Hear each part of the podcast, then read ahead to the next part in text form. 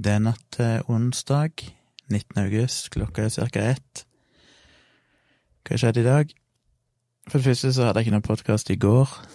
Jeg bare orka ikke. Jeg hadde ingenting å si og ble sittende opptatt med andre ting. Så tenkte jeg bare nei, jeg går bare og legger meg. Orker ikke. Eh, ikke skjedd så veldig mye mer spennende i dag. Vi hadde jo en dialogisk i går kveld som jeg syns ble bra. Jeg liker når det er Jeg liker de episodene jeg føler jeg noe på hjertet, når jeg kan faktisk mene noe om. Og jeg syns vi hadde en del interessante temaer i går. Så den episoden kom jo i dag, eller tirsdag. Sjekk ut den. Den er jo mulig å se som video på YouTube og Facebook, eller dere kan høre den som vanlig podkast. Eh, så fikk jeg en telefon ifra min eh, bryllupsfotografvenninne i Bergen, Cecilie Banov, som bare orienterte meg litt om bryllupet på fredag, som blir spennende. Jeg merker jeg begynner nesten å bli litt nervøs. Jeg var så veldig høyt oppe tidligere, men nå er det litt sånn oi, shit. Så eh, det blir spennende. I morgen må jeg bruke litt tid på å teste ut nytt utstyr, primært egentlig en sånn dobbel sele som jeg jo bestilte for noen uker siden, som jeg gjør at jeg kan ha to kameraer på meg på en gang. Bare teste ut litt hvordan det funker. Bli litt komfortabel med det. Men ja, jeg tror det blir en grei tur. Jeg må opp tidlig på fredag. Det blir ikke noen podkast på fredag kveld, for da er jeg i Bergen. Men da må jeg opp eh, tja, før seks i gang. Kommer jeg til flyplassen, flyet går klokka åtte, flyr til Bergen. Og så blir det litt dødtid der, for der er jeg jo sikkert før klokka ti, iallfall. Så jeg får slenge meg ned på en kafé eller et eller annet. Og så må jeg ta en buss til et eller annet sted litt ut forbi Bergen. Eller, det er jo i, Bergen, men ut forbi sentrum. Eh, for jeg skal ta bilde av brudgommen. Og det er jo litt det mest scary. Det gjorde jeg jo i fjor òg. Eh, men da var jeg på en måte ikke forberedt på det, så det var litt sånn, måtte bare hoppe i det. Nå er jeg litt mer forberedt på det, så da får jeg tid til å bli nervøs. Men da må jeg jo møte han, villfremmede folk, og ta bilder. Først Cecilie kommer til å ta bilde av bruden, som er et helt annet sted. Så da blir jeg aleine der og må håndtere det. Men jeg har bedre utstyr i år enn jeg hadde i fjor. Jeg har et par objektiver som er litt mer tilpassa som jeg savna sist, så jeg håper det gjør susen. Gir meg litt mer muligheter. Så jeg håper jo det er trivelige folk. Så der skal jeg være og ta bilde. Eh, ja, jeg tenker på tidsplanen, der skal jeg være klokka elleve, og så begynner vielsen klokka tre. Så det er ganske lang tid der jeg skal sitte på med de til kirka. Så jeg vet ikke hvor tidlig de kommer til å reise til kirka. Så ja, jeg får ta litt bilder, altså. Hvis det blir noe dødtid, så får jeg bare sette meg og slappe av et sted. Det går vel greit. Så er det vielse, og etterpå det så er det jo parbilder. Og så er det jo fest og alt det der som skjer etterpå. Og det blir jo da fram til Ja. Festen var jo til langt utpå natt, holdt jeg på å si, men hun venninna mi skal jo bare ta bilder i ti timer. Og hun begynner vel egentlig tolv, hun. Så egentlig er vi ferdig klokka ti på kvelden. Men det blir en lang dag, opp før seks, og så er jeg ikke ferdig før ti, og da må jeg komme meg tilbake inn til byen. Og så blir det vel å ja, se om jeg finner noe mat, regner jeg med, kommer til å bli litt aktuelt. Og så er det på hotellrommet, og heldigvis går ikke flyet hjem neste dag før i to-tida. Så da kan jeg sove til ti-elleve på hotellet hvis jeg vil det. Og komme meg ut, og så reise til flyplassen sånn i tolvtida. Og satser på at alt går greit. Så det er jo den evige jeg gjennom den tankeprosessen. Hvilke objektiver skal jeg ha med meg? Hva er det jeg klarer å presse inn i sekken min? Jeg kan jo bare ha med én håndbagasje. Jeg gidder jo ikke å sjekke inn noe bagasje. Så jeg må plass til håndbagasje, nei, man plass til objektivene og to kamera. Og litt sånn, og en klesskift og toalettsage, og det er mye som skal oppi den stakkars sekken, og de er jo så strenge på det nå, du får bare lov å ha med deg én håndbagasje, får ikke lov å ha en ryggsekk og ei veske, liksom, sånn som du kan normalt. Koronatidene gjør det krevende. Fikk den andre ansiktsmaska mi i dag, den som ble sendt fra Sverige, og som UPS selvfølgelig ikke klarte å levere på døra, så den endte jo opp på en Joker-butikk langt oppe i Gokk. En halvtimes gåtur herifra. Så jeg gikk der i ettermiddag, tusla opp til den, henta pakken, som jo bare var en bitte liten, tynn konvolutt omtrent. Mye styr for så lite. Det var bare to masker oppi der, en til meg og en til Tone. Men det var så koselig der oppe. Det var ikke akkurat koselig der, men det var bare et eller annet med været og sånn. Det var strålende sol, og sola begynte å eh, Ja, det var seint på ettermiddagen. Og så blåste det sånn relativt friskt der oppe, men det var sånn deilig bris, så jeg kjøpte meg en colaboks og hadde podkast på øret og satte meg på en benk på utsida og ble sittende der i en, jeg vet ikke, 20 minutter eller sånn, og bare Det var bare et eller annet med været og alt som var så deilig, så jeg bare satt og koste meg der. Eh, så hadde med kamera på turen og tok et par bilder. Jeg tror ikke det ble så fantastisk, men tenkte det var greit å ha med kamera i tilfelle jeg fant noe fint å ta bilde av. Så den nye maska, den syntes jeg var fin. Den var litt mer sånn eh, formsydd enn de andre vi fikk i USA. Men sånn, den her er en sånn stiv bøyle over nesa, på en måte, som er i en V fra ifra før, sånn liksom vinkla til nesa, og satt veldig godt. Og når han har den harde tuppen over nesa, så stikker jo stoffet litt mer ut, sånn at det er lettere å puste. Det er ikke sånn at stoff blir liggende helt inntil munnen, men det blir liksom et hulrom inni der. Så jeg tror jeg likte den. Det var den som hadde dette her viral off, som ikke du skal vaske. De fra USA skal den vel vaske.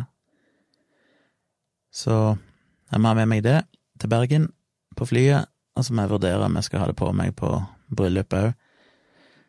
Snakka litt om det med Cecilie, jeg tror hun sendte en melding til bruden bare for å høre hva de følte.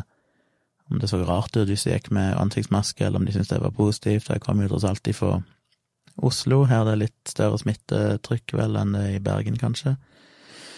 Og skal jo reise med fly og alt dette her, så det å komme fra Oslo og ha reist over hele landet og komme inn på en bryllupsfest, så tenkte jeg det kanskje er litt sånn respektfullt å ha på seg ei maske for å ta litt hensyn, men det kan jo være at de syns det ser rart ut, så jeg får se. Kommer iallfall til å ha med meg et par masker, sånn just in case. Så det er fredagen. Da blir det altså ikke noe podkast, så da er jeg hjemme igjen på lørdag ettermiddag en gang. Håper det blir en bra opplevelse. Ellers har jeg jo igjen irritert meg litt uh, over Facebook. Det er the usual suspect, og det er cancel culture og alt dette her. Uh, jeg har virkelig, virkelig lyst til å skrive noe om det, så i dag har jeg samla en del linker og tanker i et dokument som jeg må prøve å se om jeg kan få skrevet noe om. Denne gangen handler det jo om en uh, lang podkast og lang artikkel av en som heter James Lin Lindsay, er det ikke det han heter? Og jeg hadde egentlig ikke hørt om han før, men når jeg så han, så kom jeg jo på at uh, Dag snakka jo om han i siste dialogisk, og mente at han var liksom en av de som var så rasjonelle i den debatten, som ikke var alarmist eller noe sånt når det gjaldt det der med woke-bevegelsen og cancel culture og alt det der. Men jeg vet ikke om jeg var helt enig når jeg så lese den artikkelen. Jeg gadd ikke høre hele podkasten. Han uh, var han Espen Goffeng som vanlig som lenka til dette, med en veldig sånn syrlig lang tekst. Han skriver liksom hva dette hvor ille det er blitt', og 'bare vent, så kommer snart til, til en skole nær deg'. For poenget var at han James Lindsay hadde vel tvitra et eller annet uh, ironisk, holdt opp til, eller litt sånn satt på spissen. Han hadde lagd noen sånne bilder, sånne små firkanta bilder som han tvitra og på en av de så sto det et eller annet om at to pluss to er fire, ifølge sånn en sånn ifølge vestlig imperialistisk eh, undertrykkende kultur, eller et eller annet sånt. Og trodde jo alle kom til å skjønne humoren i det, men så var det selvfølgelig noen som reagerte, og mente at eh, ja, egentlig på en måte bekrefta poenget hans, da, at de var ikke nødvendigvis enige at to pluss to var fire og mente at det kunne være et uttrykk for vestlig eh, undertrykkende kultur. Og det syns jeg er fascinerende, fordi får, Det er det som gjør at det er vanskelig å skrive om det, for jeg får så mange tanker og følelser når jeg leser det. Og når jeg ser kommentarfeltet, for det er det jeg reagerer på, som jeg òg vil snakke litt om ideologisk, denne her instinktive reaksjonen de har på at ja, den her stopp verden, verden er blitt gal, jeg vil av, ideen, som at dette er jo en flokk med komplette idioter som kan mene at to pluss to virkelig kan være fem, at liksom alt er relativt, kulturmarxisme, postmodernisme. Um, men når du leser debatten, og òg leser motinnlegg, så ser en jo at selvfølgelig er det ikke det det handler om. Det er ingen som argumenterer imot at to pluss to faktisk er fire, sånn rent fysisk i den virkelige verden, eller matematisk. Men det åpner jo opp for flere interessante debatter som Goffeng og den gjengen ser ut til å ikke ta inn over seg i det hele tatt. Det ene er jo bare sånn helt utenfor denne kulturdebatten, så er det interessant å bare stille spørsmål ved ja, hvordan vet vi at to pluss to er fire? Hva betyr egentlig det? Og det åpner jo opp for en Og det er jo, det er jo ikke noen ny debatt, det er jo ting matematikere og for så vidt filosofer har diskutert i, til alle tider. Hvordan kan vi egentlig vite det? Hvordan kan du Vi er enige om at to pluss to er fire, men selv om vi er enige om det, kan det bevises? Jeg fant en fin artikkel som en hadde skrevet, der han snakket om noen eh, folk, jeg husker ikke navnene på dem nå, som hadde brukt Hvor lang tid var det? 18 måneder eller annet sånt på å skrive sånn 350 sides verk der de skulle bevise at én pluss én var to. Og det var jo sånn på begynnelsen av 1900-tallet, og det var jo helt seriøst, ikke sant, matematikere, for det er sånn, ja, én pluss én er to, det tar vi for gitt, men kan det bevises, kan det bevises matematisk at én pluss én er to? Og det klarte de, mente de til slutt, men det tok de 350 sider med ligninger og matematiske utredninger for å liksom bevise at jo, én pluss én må faktisk være lik to. Og det er jo superinteressant, ikke sant. Det er jo nettopp sånne debatter som jeg jeg elsker, og som det å stille spørsmål ved om to pluss to er fire, åpner opp for. Det er ingen som betviler at har du to epler og legger til to epler til, så sitter du igjen med fire epler. Og det er det som er så tragisk, at jeg føler Goffeng og den gjengen, de, de fremstiller det som om at i praksis er det folk som prøver å ødelegge matematikken og sier at vi kan ikke lenger si at to pluss to er fire, for det er alt, alle svar er like gode. Det er jo ikke det det handler om, det handler om å åpne opp en debatt og en av de er jo bare den rent sånn filosofiske, matematiske debatten om hvordan beviser du at to pluss to er lik fire. For det er jo mange interessante fenomener, ikke sant. Jeg blogga og snakka om det tidligere, dette her med uendelighet, at det finnes forskjellige størrelser på uendelig, som du kan bevise matematisk, og som jo er kontraintuitivt. En tenker jo uendelig må være uendelig. Men det enkle eksempelet, jeg håper jeg får det rett, jeg håper ikke jeg overforenkler det, men du kan jo tenke deg at hvis du har heltall, én, to, tre, fire og oppover, så finnes det en uendelig rekke med heltall. Fordi du kan alltid legge til, uansett hvor stort tall du har, så kan du alltid ta pluss én og få ett tall større.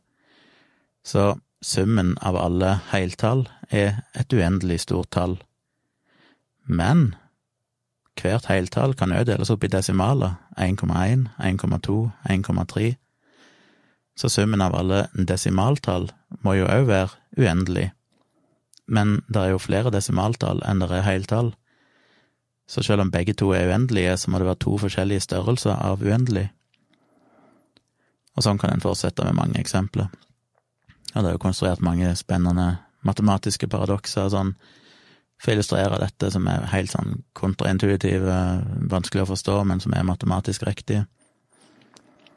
Så det er jo dette med at 0,999999 faktisk er lik 1, det er ikke sånn at du, du runder det av til én, men det er faktisk det samme som én, altså 0,999 med nok nitall bak er det samme som én. Og det kan en bevise matematisk, at Og så er det vel òg det der med at én Hva har de funnet ut at én Er det det samme, det? Én pluss to pluss tre pluss fire, eller noe sånt? Hvis du summerer alle heltall istedenfor uendelig, så kan du bevise matematisk at det blir minus en tolvtedel. Som er jo helt sånn absurd. Hvordan kan du legge sammen masse heltall og sende det opp med minus en tolvtedel?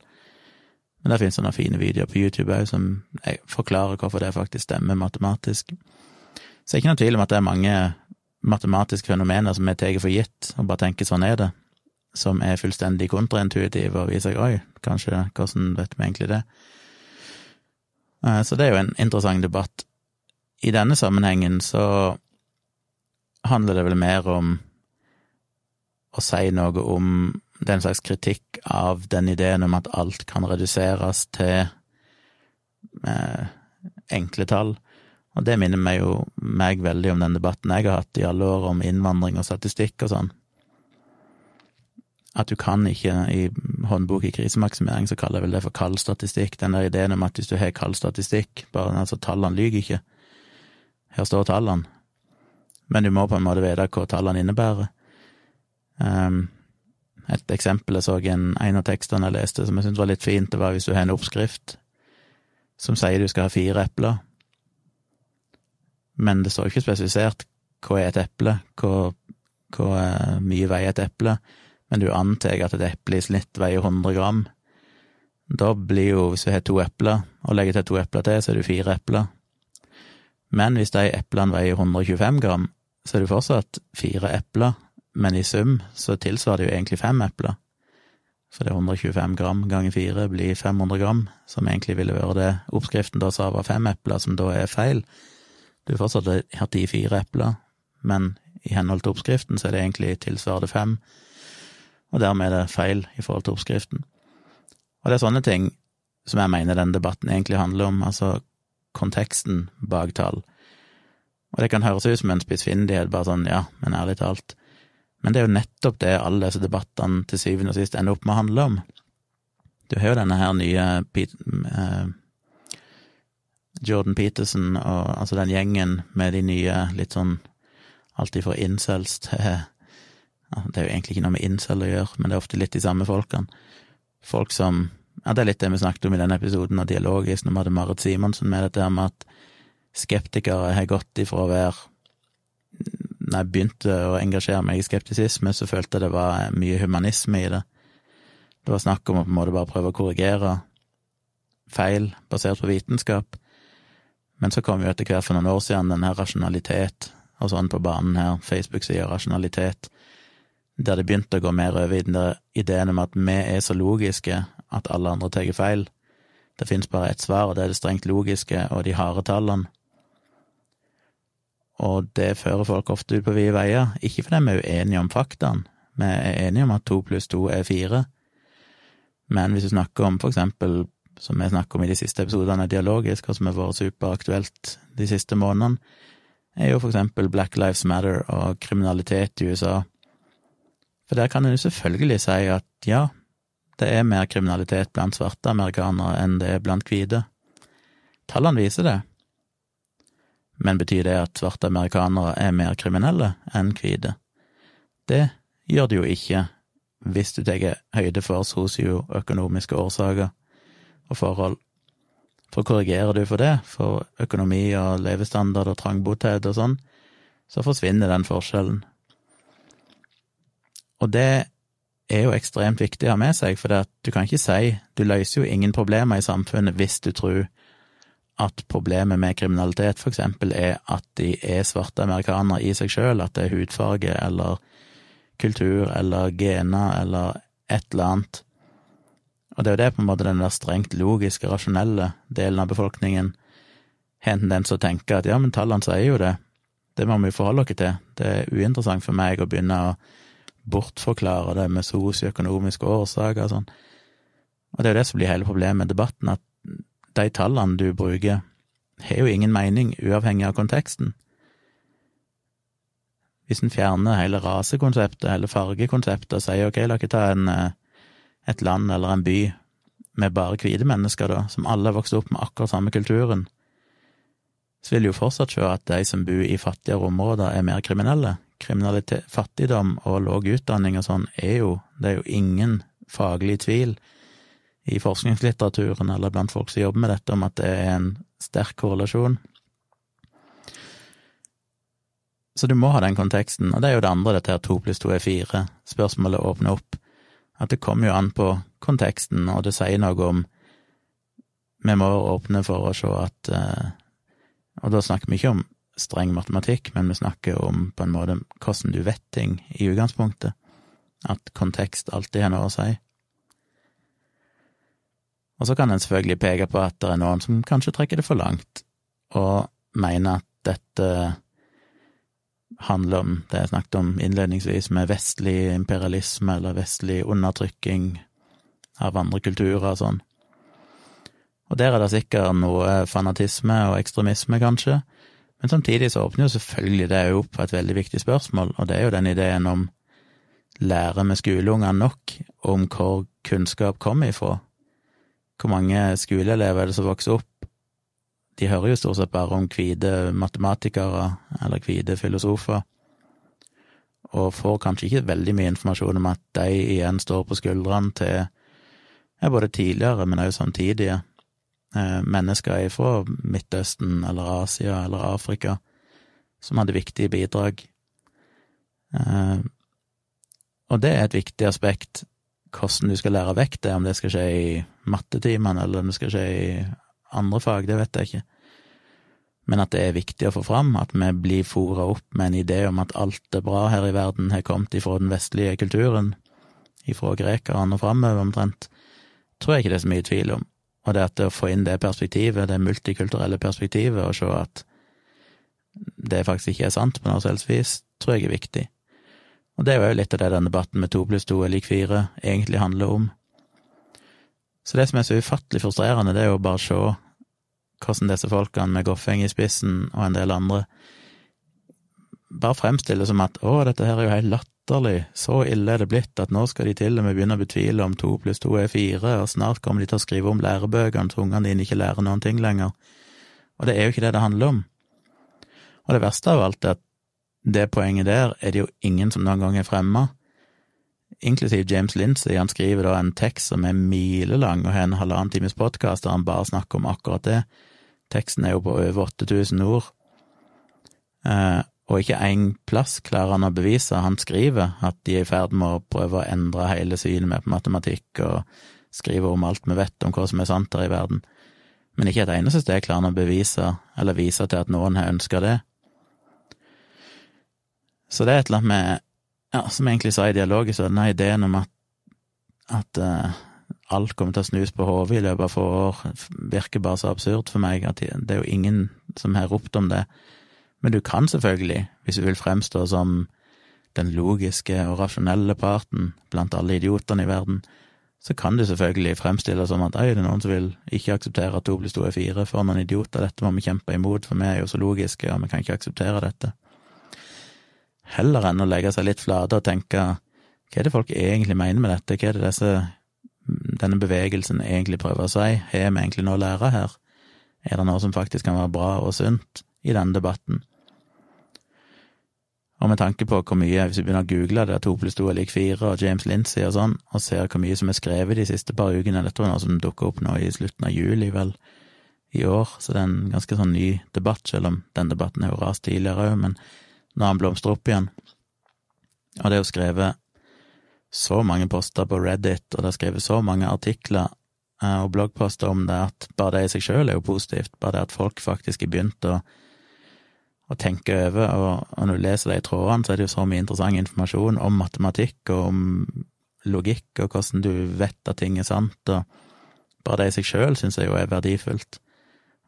Bare der syns jeg det er verdifullt å utfordre ideen om at to pluss to er fire Igjen, ikke fordi at noen betviler at to pluss to faktisk er fire, strengt matematisk, men fordi det er et veldig, veldig viktig spørsmål, spesielt som skeptiker, og hvis du er logisk rasjonell, så må du faktisk tenke over ja, men hvordan vet vi at to pluss to er fire, og hva betyr det egentlig, og hva er det egentlig disse menneskene prøver å si ved å utfordre det? Så det irriterte meg, og det har jeg lyst til å skrive noe om, men jeg synes det er jævlig vanskelig å finne ut hvordan jeg skal formulere det i en tekst på en måte som ikke som kan på en måte nå ut til de som er i Goffeng-klanen, at de skal skjønne at det, eh, det er faktisk et poeng her, at de faktisk kan lære noe av det.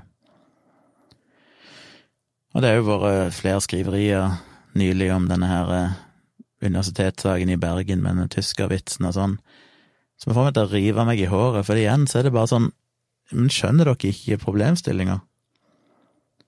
Igjen, Altså, selv om de aksepterer at denne erstatningen bare ble betalt ut fordi dette varslingssystemet ikke var gjennomført godt nok, at navnet til denne studenten ble lekka til journalister sånn, at det er jo det han har fått erstatning for, selv om de aksepterer det og endelig har innsett det, så er det fortsatt en idé om at dette er fortsatt et fryktelig stort problem.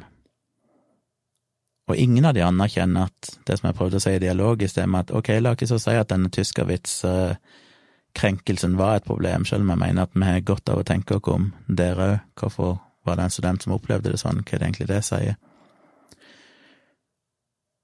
Men det å skjønne at hvis en sier at det var et ekstremt tilfelle, og det skal vi le av, så er jo fortsatt det bare tuppen av en bevegelse som det er vanskelig å si ikke må ha vært god. Det at det faktisk finnes et anonymt varslingssystem, det at faktisk studenter kan varsle og bli hørt, uansett om det er idiotiske varsler. Jeg savner bare det perspektivet, og det litt mer empatiske, humanistiske perspektivet i å prøve å forstå hva som ligger bak de her tingene. Og det har jo råda helt ifra metoo-debatten òg, der det var de samme folkene, selvfølgelig, som mente at ja da, metoo er sikkert bra, men Og så skal de selvfølgelig komme med ekstremtilfellene, der de mener at eh, ja, folk må tåle litt mer, og du kan ikke klage på alt, og skal det ikke være lov til å gi noen en klem lenger. Heller enn å prøve å forstå hva det egentlig handler om, og lære noe av det. Og det er frustrerende at det er så mange folk som jeg på en måte er litt sånn helter for alle, folk som jeg tidligere så opp til, og folk som er akademikere, rasjonelle og skeptikere, som bare ser ut til å stille seg så på bakbeina for å forsvare det etablerte, og forsvare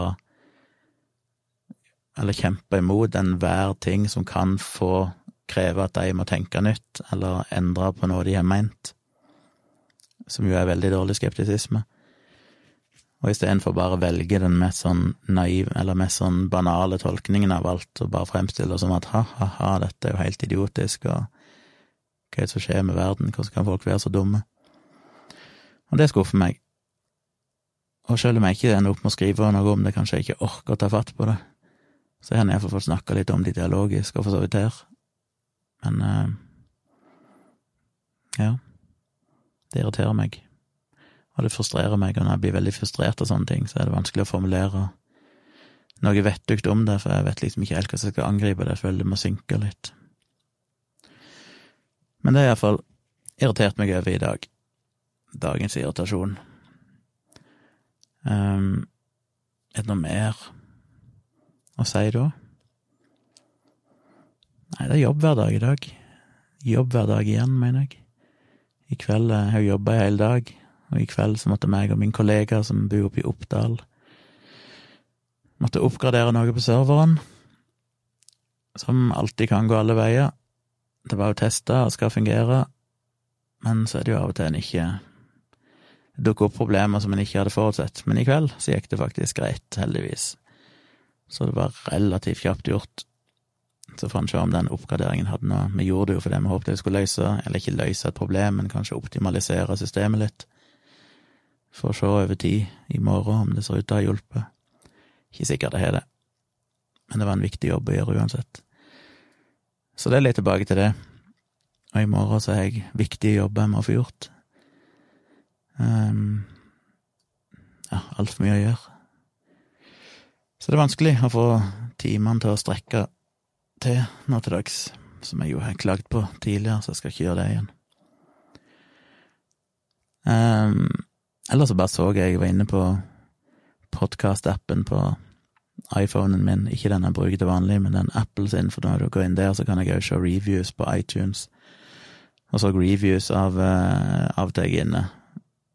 En måned eller sånn mellomrom, så kom jeg plutselig på jeg begynner å sjekke om noen har skrevet noen reviews eller kommentarer. Og det er ikke så ofte det kommer lenger, det var mye i starten, men nå har det jo roa seg.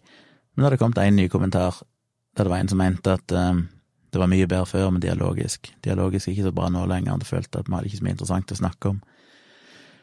Og nå vet ikke jeg hva han har hørt, det var en mann som hadde skrevet det. Nå vet ikke jeg hva han har hørt på det tidspunktet han skrev det. Jeg er enig om at vi gikk jo litt på tomgang kanskje under i vår, når det var livestream og vi ikke hadde gjester, og det var litt sånn, ikke alle episodene jeg var veldig fornøyd med, like fornøyd med. Men jeg føler jo bare virkelig at de siste tre-fire episodene har vært veldig bra.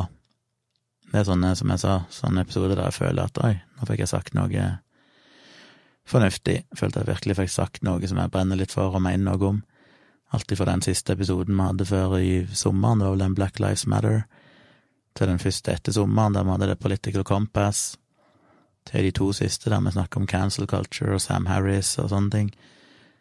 Som jeg syns det er sånn episode jeg føler at dette Vi kommer ikke til å bli bedre enn dette. Dette er liksom det jeg føler dialogisk skal være. Det å diskutere aktuelle samfunnstemaer, komme med perspektiver som jeg kanskje savner litt i debatten, og tilføre litt mer nyanse. Så det er sånn, når jeg leser den kommentaren, så er det litt sånn, ja ja, fuck you. For det er ofte så er jeg jo dårlig selvtillit og tenker Når jeg leser en sånn kommentar, så bare mister jeg helt selvtilliten og tenker fuck, vi må bare legge ned hele podkasten, det er jo bare ræva. Men akkurat nå følte jeg bare at nei, nå har det faktisk vært veldig bra i det siste. Og hvis folk ikke liker det, så kan jeg ikke gjøre noe annet, for det er iallfall sånn jeg vil ha det i podkasten. Det er det jeg ønsker med podkasten. Så de som liker det, får like det. Og hvis denne personen ikke likte det, så kan jeg faktisk ikke ta selvkritikk på det, for jeg føler faktisk det har vært veldig bra innhold i det siste. Så det var min lille tanke om akkurat det. Ja. Så det blir en liten podkast i morgen igjen, regner jeg med, hvis ikke noe dramatisk skjer, og på torsdag. Da må jeg jo legge meg en del tidligere enn vanlig, for jeg skal så tidlig opp. Jeg elsker jo egentlig å reise sånn, jeg elsker sånne oppdrag. Jeg vet at er hun venninna mi, fotografvenninna, hun sa jo liksom ja, er du, takler du dette, det blir jo en lang dag når du skal opp så tidlig og sånn. Men da svarte jeg at det er jeg veldig vant med, både fordi jobben min er jo vant med å ha lange, lange økter som kan vare langt over et døgn i strekk med jobbing. Ikke så ofte nå lenger, det var før, men i ny og ne nå òg. Det er sånn 36 timer da du bare sitter og programmerer eller driver og oppgraderer et eller annet, og, og må jobbe kontinuerlig uten søvn. Men òg fra mine yngre dager.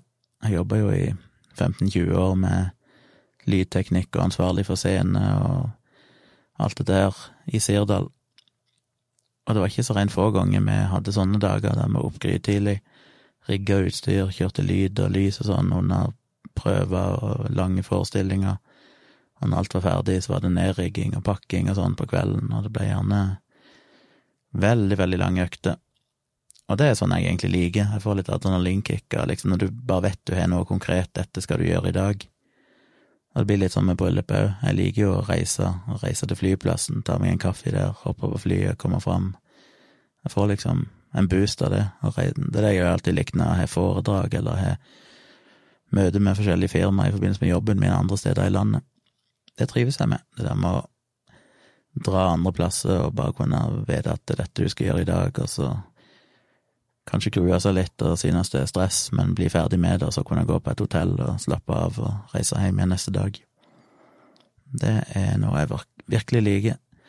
Så det er det jeg savner litt med at det ikke har vært noe foredrag og sånn i det siste. Jeg savner det der å reise rundt og gjøre ting. Så det skal nok gå bra, sjøl om jeg kommer nok til å være temmelig sliten på kvelden, for det er slitsomt, det blir mange tusen skritt, du går jo hele tida. Trasker rundt og trasker rundt og tar bilder, med å være liksom på alerten hele tida for å fange øyeblikk og få med det som skjer. Så det husker jeg fra sist, og sist gang så var jeg jo sjuk i tillegg. Jeg var jo ikke spesielt i god form, ganske forkjøla og groggy, men jeg måtte jo stille opp, så da var jeg jo ekstra ille. Jeg håper jeg er frisk denne gangen, så er det litt lettere å komme seg gjennom dagen. Men jeg gleder meg. Jeg får en liten boost av det, så det skal nok gå bra. Det jeg gruer meg til, er å redigere bildene, for nå har jeg mista helt selvtilliten på det. Nå føler jeg bare sånn ah, jeg finner ikke ut hvordan jeg skal redigere bilder sånn at de blir fine. Men uh, jeg gleder meg litt til å ha gjort bryllupet, for da har jeg noen hundre, kanskje over tusen bilder, som uh, jeg liksom har tid til å ta skikkelig og kan jobbe litt med å prøve å få en helhetlig og, og fin uh, redigering av alle bildene. I fjor når jeg redigerte bildene, så var det litt mer sånn hipp som happ. Jeg redigerte bildene i litt forskjellig stil, alt det hva jeg følte hver bilde burde være. Men jeg skjønner jo at det er ikke så bra med bryllup, du bør egentlig prøve å ha en helt sånn ensarta stil på alle bildene. Så det skal jeg jobbe med denne gangen, og prøve å finne en eller annen form for stil, en look, på alle bildene, sånn at de ser Ser ut som et helhetlig album. Så jeg gleder meg til å legge det ut på i fotogalleriet mitt, så dere kan se de når de er klar, men det vil nok ta litt tid. Jeg får ikke lov å legge de ut før hun, hovedfotografen har gjort ferdig sine bilder og sendt de til brudeparet. Og hun skal vel levere innen uh, tre-fire uker. Så hvis hun bruker hele den tida, så kan det jo fort ta en god måned før jeg får lov til å legge ut mine bilder, men etter hvert så kommer de. Det gleder jeg meg til. Anyway, nå har jeg snakka over en halvtime, jeg får komme meg i seng, en ny lang jobbdag i morgen. Så det høres vi igjen i morgen kveld. Husk å sende meg meldinger og spørsmål og kommentarer. Takk igjen for at dere Jo, én ting til, hvis det er noen som har hørt så langt som dette, jeg må nesten skrive en post om det, gjerne langt for alle hører på podkasten. Men jeg fikk en mail av Patron i dag, bare at de har åpna for muligheten til å gi årsbasert støtte. Så istedenfor å gi en pledge, gi en, eh, betale en månedlig sum, så kan du betale for et helt år om gangen. Og da får du eh, 16% rabatt. Det er 16 var default, du kunne sette det lavere enn det. Men jeg lot det bare stå på 16, for når jeg regner det ut, så finner jeg vel ut at 16 tilsvarer vel omtrent at du får to måneder gratis. Så ved å forhåndsbetale for et helt år, så sparer du på en måte to måneder med støtte. Fordelen for meg er at jeg selvfølgelig da får en mer forpliktende støtte et helt år, um, som kan være bra. Så det er en mulighet. Litt usikker på hvordan dere endrer på det, om dere kan gå inn og velge det nå, hvis noen skulle ha lyst til å gjøre det. Istedenfor å få de månedlige trekkene av kortet, så kan dere gå inn og bare endre til jeg vil betale for et år nå, eller egentlig ti måneder i praksis, og så bli belasta igjen først om tolv måneder. Så kan dere gjøre det. Hvis ikke det går an å endre det, det vet jo ikke jeg, for jeg er jo ikke patron hos meg sjøl, så kan dere eventuelt bare cancele pledgen og så starte på nytt. Det er jo fullt mulig å gjøre. Så hvis noen skulle ha lyst til det av en eller annen grunn, så er iallfall det mulig. Det kanskje ikke så aktuelt for dere som allerede er patrons, men for nye patrons iallfall så kommer det opp som et valg nå, at du kan velge å ta et helt år på en gang. Så det måtte jeg iallfall bare si. Så da hadde jeg sagt alt. Good night.